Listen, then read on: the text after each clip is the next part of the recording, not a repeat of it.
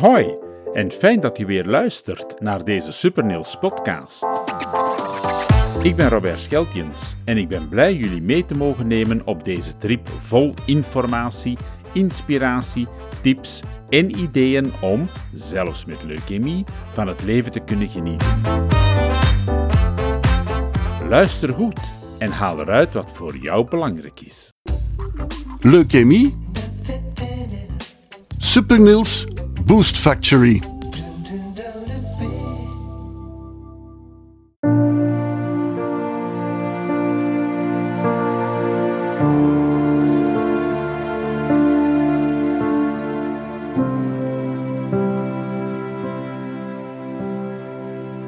De diagnose. Leukemie. Je wereld staat heel even stil. Je weet niet wat je overkomt. Ook voor je naaste familie is dit allemaal zwaar.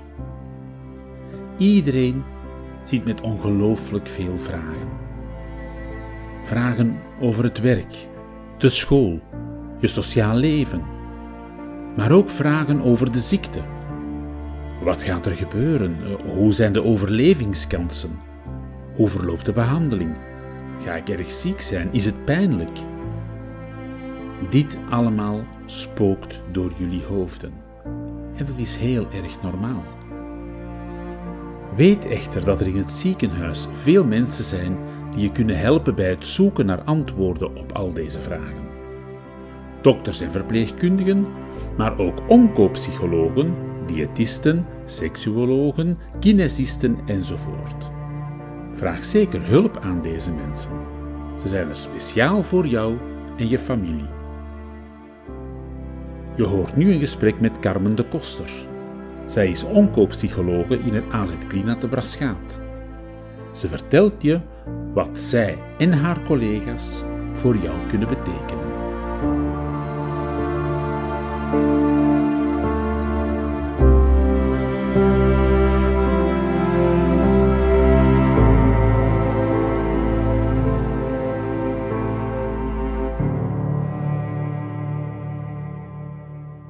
Carmen, goedemorgen. Ik ben heel blij dat u wil meewerken aan deze podcast. Ja, goedemorgen. Uh, en misschien kan u zelf eens eventjes iets vertellen uh, aan de luisteraars. Hè, jezelf wat voorstellen, welk ziekenhuis, welke afdeling, wat uw job hier juist is. Ja, ik ben dus Carmen. Uh, ik werk in het AZ Clina als psychologe op oncologie en hematologie. Ik ben in 2015 afgestudeerd als klinisch psychologe, meteen uh, op oncologie gestart. Uh, initieel in het USA in Wilrijk, nu hier in, in AZ in Braschaat. Ja, naast mijn job ben ik mama van twee heftige pagaders, Jules en Raf, en getrouwd met mijn man. Dus ja, ik weet me zo wel wat bezig te houden in het alledaagse leven misschien wat meer vertellen over mijn werk hier uh, op de diensten.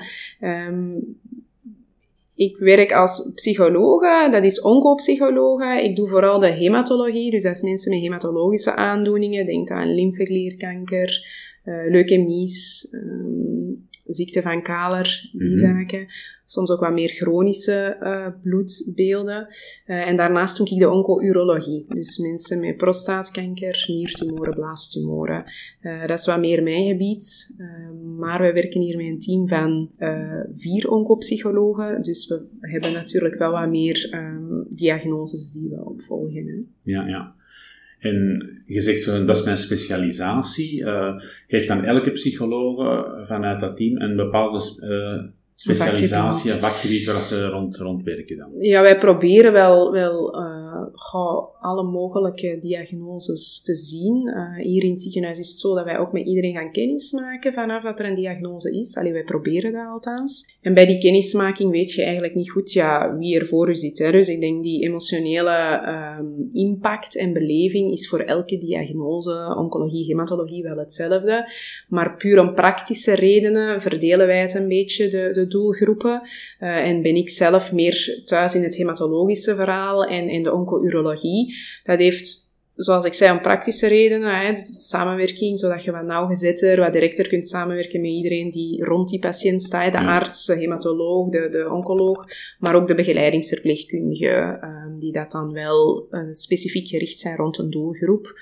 Uh, een deel heeft dat ook met interesse te maken. Hè. Ja. Um, ja, ik doe bijvoorbeeld de AYA-werking ook, de jongvolwassenenwerking hier in Klina. Ehm, dat wil niet zeggen dat ik daarom alle AYA's, jongvolwassenen, alleen zie met kanker, maar meestal als er eentje binnenkomt, komen die eerst even bij mij op de agendapunt en, en probeer ik ervoor te zorgen dat al de thema's die belangrijk zijn voor, voor jonge mensen, toch ook, ja, dat daar aandacht aan wordt besteed. Dus een deel heeft dat ook wel met interesse te maken. Ja. En je praat over thema's. Oh, welke thema's moet ik mij dan zo uh, voorstellen? Die bij ons aan bod komen, bedoel je? Ja, um, goh, dat is heel ruim. Ik, zie altijd, diagnose van kanker heeft impact op fysiek vlak, op sociaal vlak um, en op emotioneel vlak, hè, seksueel vlak ook een stuk. Dus die vier thema's, die, die vier vlakken proberen wij aandacht aan te besteden. En bij ons dan dat emotionele luik komt minder aan bod bij uw klassiek medische consultatie. Um, en een van die thema's binnen dat emotionele is ja, hoe gaat dat om met verlies? Uh, vanaf een diagnose zijn er bepaalde verliezen. Uh, de, de, onzekerheid over het leven, onzekerheid van de gezondheid.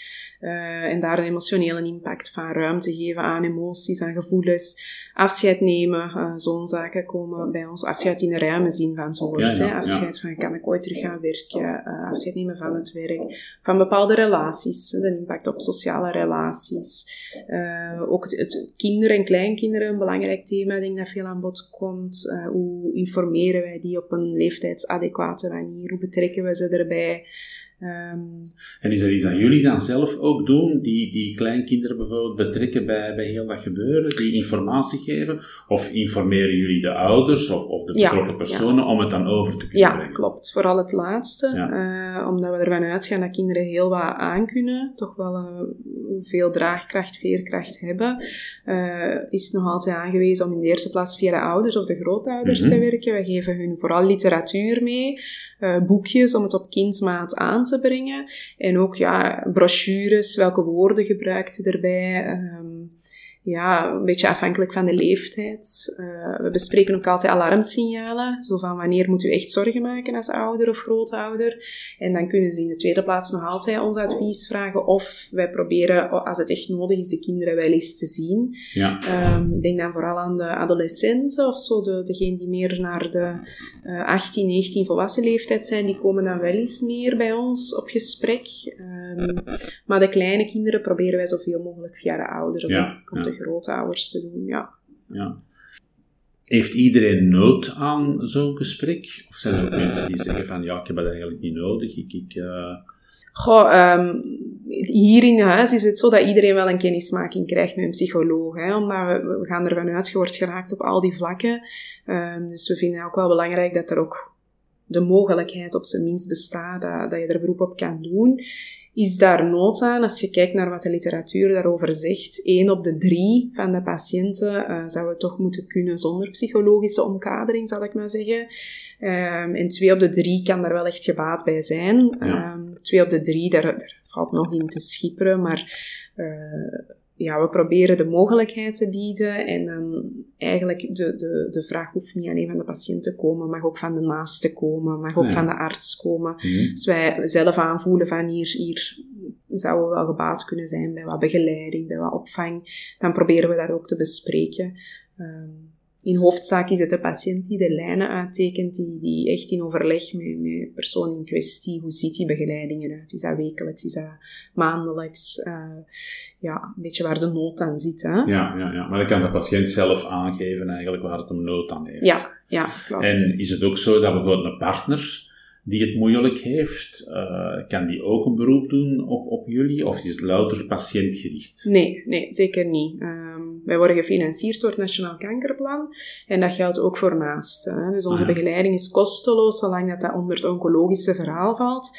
Maar een diagnose krijg je niet alleen, hè. dat krijg je als heel gezin, uh, met mensen die daar heel dichtbij staan. Mm -hmm. Dus ook voor hen geldt uh, ja, die begeleiding. Ja. En hoe zit het met... met privacy en zo. Want uh, ik neem ook aan, als je met mensen in gesprek gaat en die liggen op een kamer met twee bijvoorbeeld, um, ja. ja. naar privacy toe is dat nogal heel gevoelig. Hoe, ja. pakken jullie dat aan? Goh, de meeste gesprekken door ons gebeuren wel op een individuele kamer. We hebben hier ook wel wat ruimte in het ziekenhuis om mensen mee te nemen.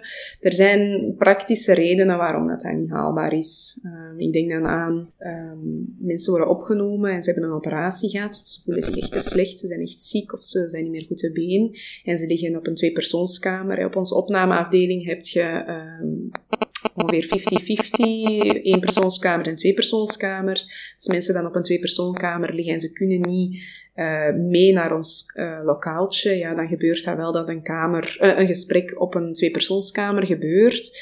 Ik vraag zelf altijd toelating aan de patiënt mm -hmm. of dat hij daar oké okay mee is, dat de andere persoon daar ook ligt. Um, dat is niet evident, maar ja, de meeste mensen maken daar eigenlijk ook geen problemen van of geven aan van ik heb er wel nood aan, zet u er maar even bij. Um, ja, op daghospitaal hebben we grote zalen. Daar hebben we ook één lokaaltje te verdelen over vier psychologen. Uh, we proberen dan ook wel echt, vooraleer dat we een gesprek gaan doen met iemand, te zoeken of we een lokaaltje hebben, ja. zodanig dat de mogelijkheid er op zijn mm -hmm. minst is om de, om de persoon mee te nemen. Ja, jullie werken ook samen met, met uh, dokters, met zorgkundigen. Uh, hoe gebeurt die samenwerking? Um, geven de dokters soms ook aan dat er nood is aan, aan begeleiding, of de verpleegkundigen? Um, hoe ziet dat juist, die samenwerking? Ja, ik heb hier het geluk om in een kleinschalig ziekenhuis, of perifeer ziekenhuis te werken. Um, dus ja, wij staan eigenlijk relatief dicht bij ons teamleden, zal ik maar zeggen. In de ruime zin van het verpleging, artsen. Uh, en ik merk dat een verwijzing hier heel laagdrempelig gebeurt. Hè. Mm -hmm. Dus in de eerste plaats heb je die kennismaking. Um, maar ja, ook omwille van praktische redenen gebeurt dat soms pas na een aantal chemo's of pas als iemand al toch wel in een heftig traject is waar operatie gaat en kent die nog geen psycholoog of zijn wij nog niet langs geweest. En is het alsnog de verpleging, zorgkundige of iemand van de begeleidingsverpleegkundige die de aanmelding doet. Of de arts. Um, en dat gebeurt wel echt uh, op een vlotte manier. Of ze mailen ons uh, van ja, op kamer zoveel kan eens even langs gaan. Ja. ja, dus eigenlijk gebeurt hier toch wel een, een vlotte en uh, snelle uitwisseling ja. Uh, ja, en aanmelding. Ja. Dus eigenlijk als team werkt je enorm samen om, rond die patiënt eigenlijk, om die op een goede manier te begeleiden en op te vangen. Ja, ja ik merk dat dat hier wel een, een, een meerwaarde is, dat je dicht bij je team staat. Het is een beetje ook de reden waarom dat we de doelgroepen verdelen, om uh, voor de artsen en de verpleging een aanspreekpunt te geven. Van ze weten ook bij wie ze terecht kunnen als ja. er een vraag ja. is. Tuurlijk, er zijn altijd urgente vragen of mensen die echt ja, op die moment nood hebben aan opvang. En dan komt dat bij iemand anders terecht, wat ook prima is. Ja. Maar uh, ja, ik merk hier het, het, het ja, kleinschalige is wel een voordeel. Ja, ja. Een voordeel ten opzichte van bijvoorbeeld een groot universitair ziekenhuis? Ja, ja, ja, ja, ja. Ik heb zelf ook drie jaar in het USA gestaan. Dat is ja... Um, dat is een grotere mm -hmm. organisatie. Hè? Dus dan is het moeilijker soms om mensen aan te spreken of het laat wel langer op zich wachten. Ja. Uh, het is niet altijd duidelijk wie, wie verantwoordelijk is voor bepaalde uh, zaken op te nemen. Dus daaraan merk ik hier dat het wel uh, kleinschaliger maakt, ja, dat je ook ja, sneller binnenspringt, mensen kunt aanspreken, weet wie wat doet. Ja. Is het dan ook zo dat je hier meer als, als een vertrouwenspersoon overkomt, omdat je veel meer dat contact met die patiënt ook hebt, dat dat veel korter bij is? Goh, ik weet niet of ik het zo zou benoemen. Uh, ik denk dat in, in ook wel heel erg nood is aan vertrouwenspersonen en dat mensen die een band hebben met patiënten dat ook wel echt kunnen zijn. Ja, ik, ik zie het als mensen weten hier ook wel dat dingen intiem besproken worden. Ja, dus patiënt weet ook wel, ik kom erbij op vraag van de arts, dus er wordt ook wel een terugkoppeling gegeven. Dus er is een mm -hmm. soort team dat rond een patiënt staat en op die manier die samenwerking heeft wel zijn vruchten. Ja. Uh, maar natuurlijk zijn wij vertrouwenspersonen voor patiënten. We hebben ook wel een beroepsgeheim. In mm -hmm. een ziekenhuis is dat een gedeeld beroepsgeheim. Ik ben daar ook wel altijd heel open over naar mensen toe. Van, is het oké okay dat ik dit bespreek met een ja, dokter? Want ik vind dat belangrijk genoeg naar uw therapie of behandeling, dat hij dat weet, dat hij ervan op de hoogte wordt gebracht. We vragen daar ook wel de goedkeuring uh, voor. Uh, we hebben ook om de twee weken een teamoverleg voor ons jonge volwassenen, jonge, jongvolwassenen met kanker. We zeggen dat ook altijd tegen de, tegen de nieuwe AJA's van is het oké okay dat uw casus ja, op het overleg wordt besproken met de partijen. Mm -hmm. um, ja, dus we zijn een vertrouwensrol, we hebben dat wel, maar ja, in de ruime zin van het woord. Hè. Ja, um, ja. ja. Dus dat is logisch ook, denk ik, hè, dat je dingen wel deelt binnen dat team, maar dat het wel gaat over medische zaken Ja. die, die noodzakelijk kunnen zijn voor die, Ja. voor die patiënt. Jullie hebben verschillende eh, thema's waar je rond werkt. Is het zo dat iedereen volledig weg is met die thema's en daar, daarmee aan de slag kan gaan? Of zijn er daar ook nog bepaalde specialisaties binnen? De, Eh, dan je het over het emotionele, seksuele, Ja, eh, wat was het Ja. allemaal? Ik, ik had er een stuk of vier, dacht ik, hè, van die thema's. Ja, wij zijn, ehm, ja, wij, hebben, wij zijn zelf een team van vier oncopsychologen, Mhm. eh, maar ons naaste collega is een seksuologe, ehm, Inge. Ehm, die gaat niet standaard bij iedereen langs, eh, maar zij ziet wel enkel de oncologische en hematologische patiënten. Dus ehm, in tweede lijn, als wij merken dat daar vragen rond zijn, rond het relationele, intieme leven, seksuele leven, dan verwijzen wij ook wel echt snel door naar Ja, haar. Dus ze ja. staat er wel kort, kort of dichtbij. Eh, en daarnaast horen wij tot het oncologisch begeleidingsteam. Ik denk, ik durf het niet te zeggen, 20 à 30 mensen zijn dat.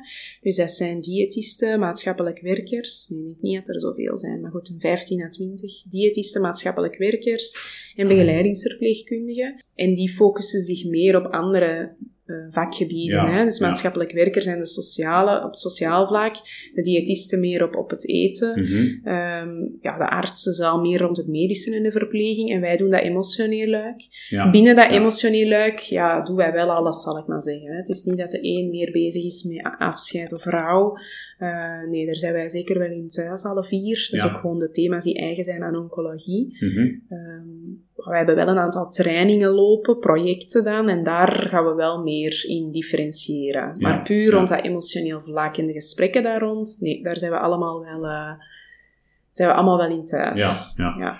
Je hebt het juist aangehaald dat je ook met projecten en zo bezig bent. Hè? Dat je Ja, ehm, Ja. een aantal projecten begeleidt of opstart. Vertel daar eens wat meer over. Over, over welke projecten gaat dat juist? Eh, en waarom zijn die zo belangrijk, die projecten? Ehm, ja, hier in Klina wat hebben we van projecten nu lopen, want dat verandert ook Mhm. eh, wel geregeld. Is de, de mindfulness, hebben we toch al een aantal jaren. Hè? Ik durf het niet te zeggen, maar toch al een zestal jaar, denk ik. Dat is een, eh, een drie- of vierjaarlijkse training eh, rond mindfulness. Wordt ook gegeven aan een externe partner. Dus dat is een voorbeeld van iets wat we niet zelf opnemen. Wij doen wel de screeningen, de intakes, het recruteren. Ehm, maar dus dat is iemand die thuis is echt in, in mindfulness en Mhm. dat, dat als een vaardigheid probeert te onderrichten aan ons patiënt. Een zevenweekse training is dat. Gericht Ja. op de patiënten. Ja, Ja, de naaste mag ook deelnemen. Ehm, dus dat is eigenlijk een... een dus ze mogen ook met twee inschrijven. Ja, ja. Ehm, ja. Ja, dus dat is, een mindfulness training. Ja, dat is zeker bij kanker heeft dat al dan gewezen eh, of bewezen dat dat effecten, positieve effecten teweeg kan brengen. Wat dat wij zelf nu gaan opstarten in het voorjaar is de ACT-groep. Dat staat voor Acceptance en Commitment Therapie.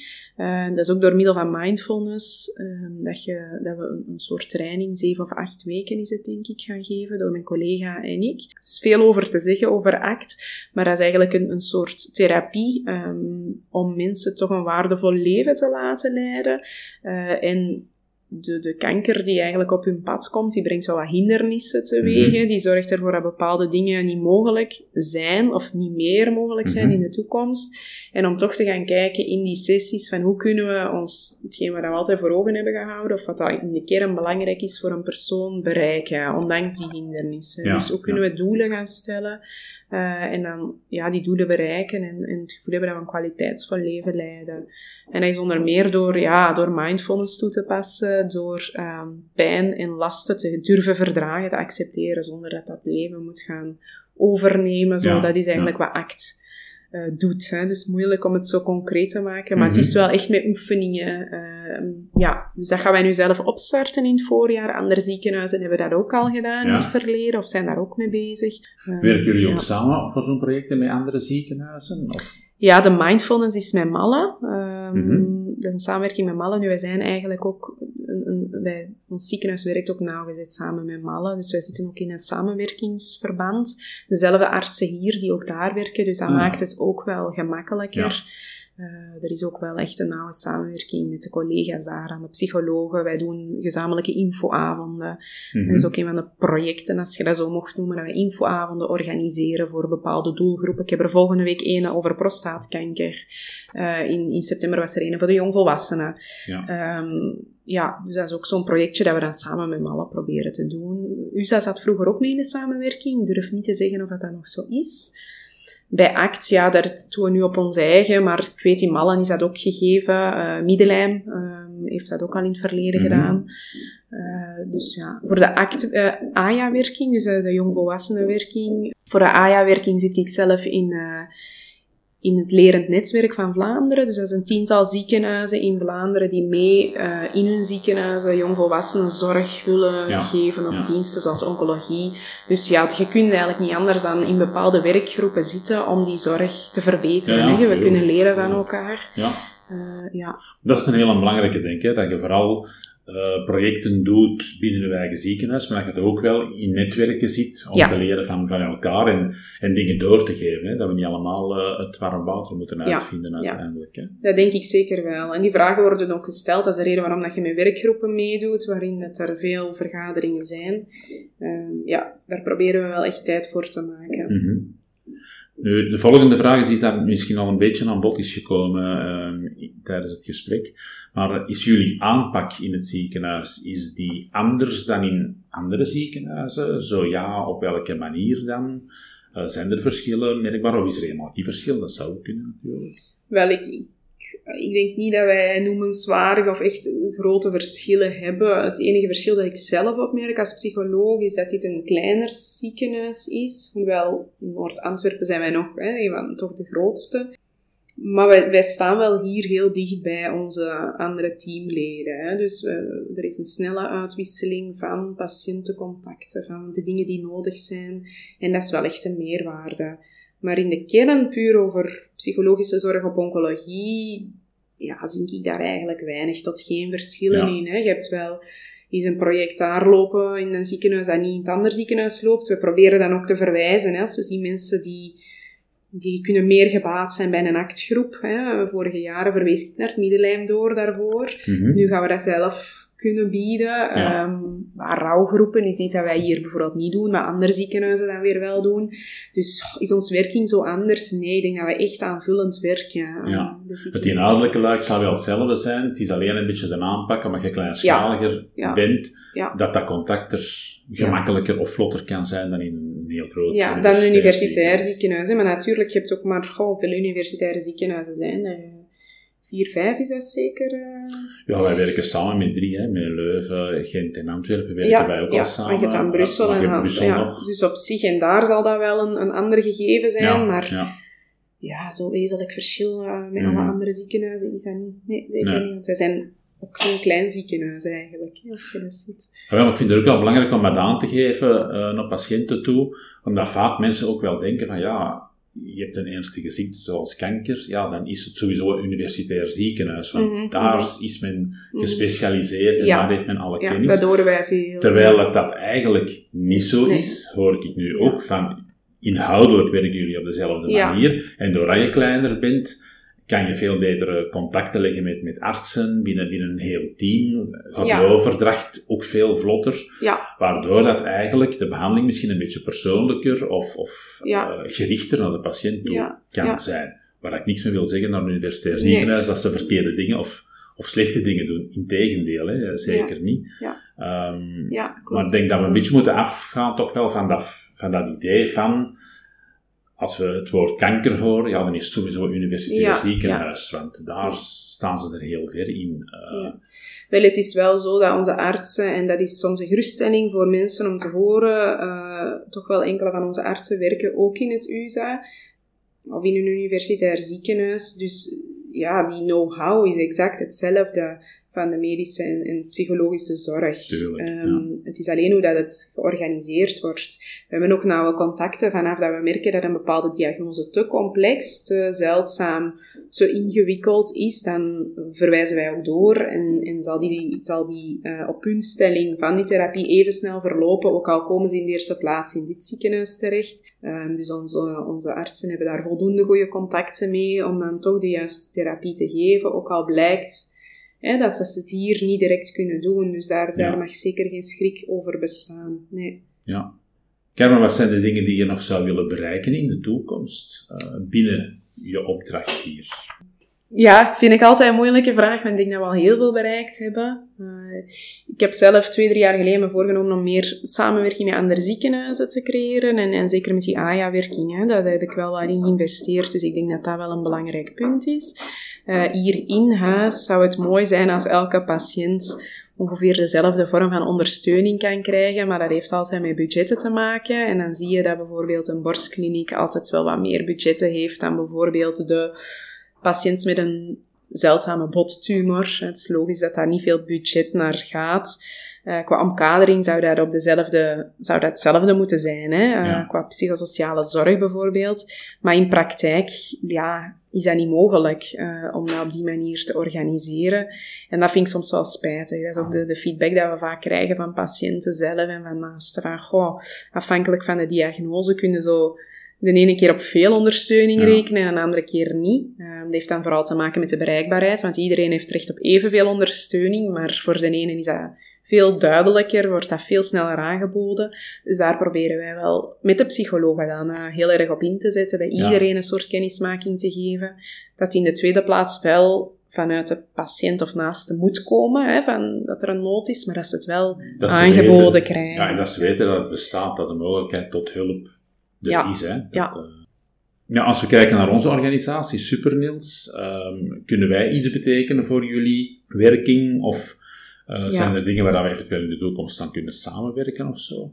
Ja, uh, ja ik heb het net al gezegd, gezegd over financiële budgetten. Dat is uh, zeker in ziekenhuizen vaak een probleem. Um, ik denk dat uh, Superniels vooral die extra zaken kan geven die wij niet kunnen doen. Ik denk aan extra tijd voor dingen uit te werken, maar ook ja, de financiële middelen zoals de creatieve pakketten die overlaatst bezorgd waren, die goodie bags die we jaarlijks krijgen. Ja, dat zijn zaken waar wij enerzijds niet de financiële mogelijkheid voor mhm. hebben, maar ook de tijd niet voor dat mhm. samen te stellen, voor daarmee bezig te zijn. En dat is toch die kleine puntjes die het draaglijker maken, die wat afleiding, wat ontspanning voor patiënten geven. Waar dat voor ons ook fijn is om zoiets iets te kunnen aanbieden, hè, want dat heeft een effect op uw patiënt naaste enzovoort, maar ook wel op ons als zorgverlener, voor zoiets positief, iets leuks te kunnen geven, te doen. Um, ja, en dan denk ik aan het project van de VR-bril dat we in de toekomst toch uh, verder kunnen uitwerken. Dat is ook zo binnen dat, het kadert ook binnen daar. Hè, de, ja, ja. Het comfort toch zo goed mogelijk proberen na te streven van een patiënt, ondanks dat hij onderzoeken of ingrepen zal moeten doen en hopen dat we daar toch samen iets in kunnen zoeken. Ja. Uh, ja. Nee, dat is, dat is fijn om te horen ook, dat we de zaken die we doen, hè, want soms denk je wel van, ja, komt dat wel binnen, komt dat goed aan. Uh, wij krijgen heel positieve reacties, maar het is altijd fijn om te horen dat ook, ook naar de, naar de zorgkundige, naar, naar jullie toe, dat ja. dat ook wel een, een positief, uh, positief gevoel meegeeft. Ja. Hoe, Carmen, dan denk je dat we zowel aan het einde gekomen zijn van, uh, van dit fijne gesprek. Um, is er iets dat jij nog zeker wil meegeven aan de mensen, aan de luisteraars, dingen die ze zeker moeten onthouden, waar ze rekening mee moeten houden? Ja, er bestaan heel veel initiatieven. Um, alleen is bij ons vaak de vraag, hoe komen ze tot bij de mensen? Hetgeen wat ik daarnet ook aangaf, hè, van, voor sommige mensen is het allemaal heel duidelijk. En voor andere mensen, die blijven zoeken en die geven dan achteraf vaak aan mij aan, aan een heel traject. Als ik dat op voorhand had geweten, daar blijf ik zelf wel op worstelen. Dus uh, als ik zo'n ultieme tip of advies mag geven, vraag ernaar, zorg dat je uh, ons bij ons nekvel grijpt en dat we, ja, dat je op zijn minst op de hoogte zijn van de initiatieven. Het is een stuk onze verantwoordelijkheid om ze bij de mensen te krijgen, maar we blijven daar naar zoeken hoe dat we dat... Ja. Uh, dus spreek ons erover aan, praat erover, zeg als er een nood is en dan kunnen we samen zoeken naar wat dat mogelijk is. Ja. Dus best eens als je een diagnose hebt gekregen, om ook al eens te vragen naar verdere omkadering, Ja. mogelijkheden, zodanig dat, dat ze daarover kunnen geïnformeerd worden. ja, ja. Carmen, ik wil u heel erg bedanken voor dit eh, fijne gesprek. Ik denk dat mensen daar zeker iets gaan aan hebben. Ehm, dat dat inhoudelijk, dat mensen ook weten van wat is die psycholoog, wat doet hij allemaal, wat kan die voor ons betekenen. Dus eh, ik denk dat dat een zeer eh, mooie en nuttige aflevering kan worden. Heel erg bedankt. Dat is graag gedaan. Leukemie. Supernils Boost Factory.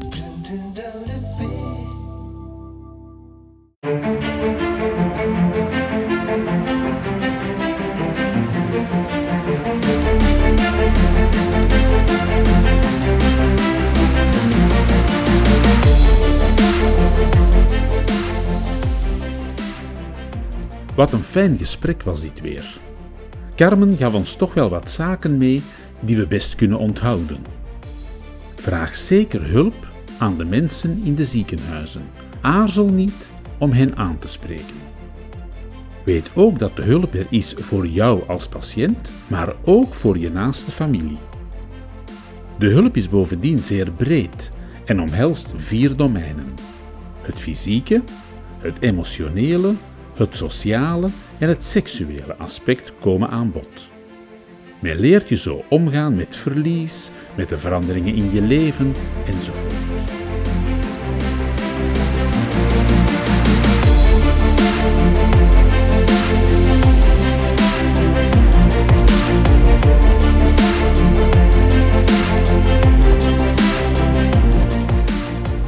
Ook belangrijk is te weten dat de zorg in een algemeen ziekenhuis even goed is als die in een groot universitair ziekenhuis. De zorgkundigen en de dokters werken nauw samen.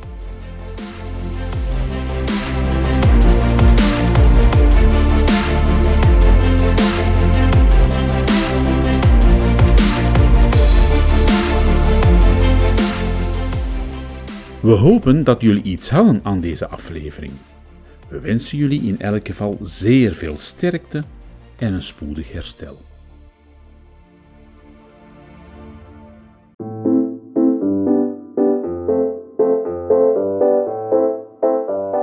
Heel fijn dat je weer luisterde naar onze Supernails podcast Leukemie Supernails Boost Factory.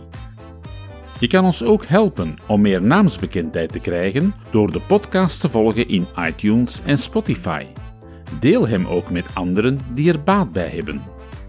Neem tevens een kijkje op onze website www.supernils.be en leer ons nog beter kennen. En heb je een vraag, een idee of wil je met ons samenwerken? Word dan lid van onze online community of Facebookgroep de Supernails Boost Factory en neem deel aan de gesprekken en discussies. Samen maken we deze podcast nog beter, nog sterker. Nogmaals bedankt voor het luisteren en tot de volgende keer bij Leukemie. Supernils Boost Factory.